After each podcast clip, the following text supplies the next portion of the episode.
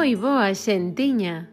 Benvidas ao episodio número 70 de Unha pedra no zapato. Na cultura chinesa, o morcego é un animal intelixente e sabio usado como amuleto de sorte, longa vida e protección. Algunhas tribos nativas americanas creen que este animal tótem representa un xamán que ensina ás persoas a adentrarse na súa propia noite interior entre moitos povos de lingua chipcha, existe o convencemento de que certos líderes políticos relixiosos poden converterse nesta pequena besta, adquirindo así os seus excepcionais poderes e cualidades. Simbólicamente, o morcego encarna o cambio que nos exixe sumirnos na escuridade da nosa cova interna. Cambiar é algo común aos seres vivos – A serpe muda de pel, os cans mudan de pelo, a larva muda o casulo polas as de volvoreta, as árbores mudan as follas. En realidade, o ser humano é o único que se resiste á continua metamorfose que require a vida. As mudanzas alíñannos con novas etapas que son necesarias para a nosa evolución. Podemos cambiar de nome, lugar, destino, oficio vestimenta, opinión, gusto, costumes, aparencia física, comportamento ou moral. Na miña experiencia, toda mudanza ven antecedida por unha ruptura. Algo quebra e dos seus anacos xorde aquilo que chamamos cambio. Esa rotura pode ser consciente ou inconsciente pero en calquera caso provoca un movimento que nos despraza de lugar emocional, psicolóxico ou físico.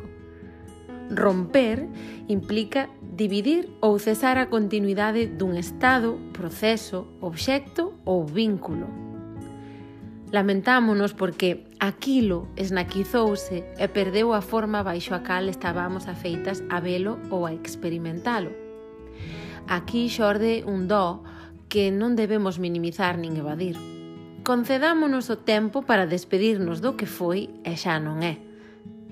Porén, que iso non nos impida apreciar o que sí está sendo.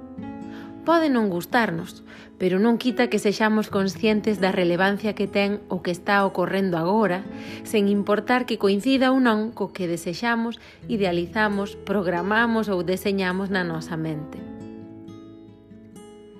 Cando algo se fractura, que podemos facer con eses cachiños que quedan? Un mosaico elabórase con teselas, é dicir, pequenos bocados de pedra, cerámica ou vidro de diferentes formas e cores que se aplican sobre unha superficie para formar deseños xeométricos ou figurativos. Estamos ante un conxunto de elementos dispares que son unidos por un todo maior que os abrangue.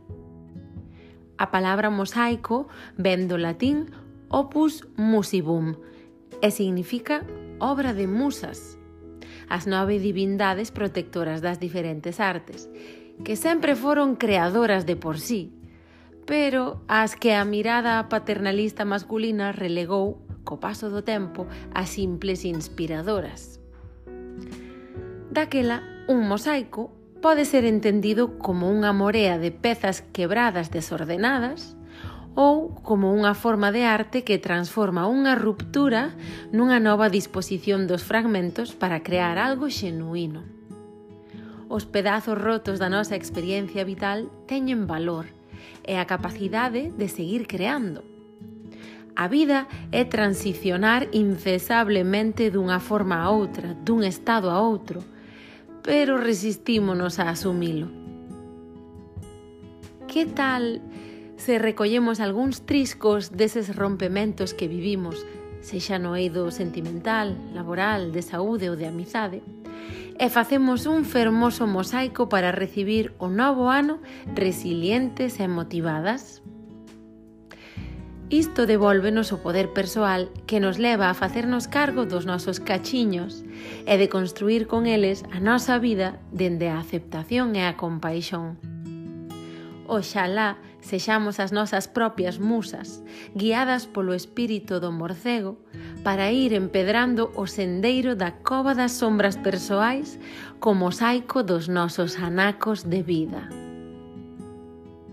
Moitas grazas por escoitar e e mándovos unha aperta inmensa.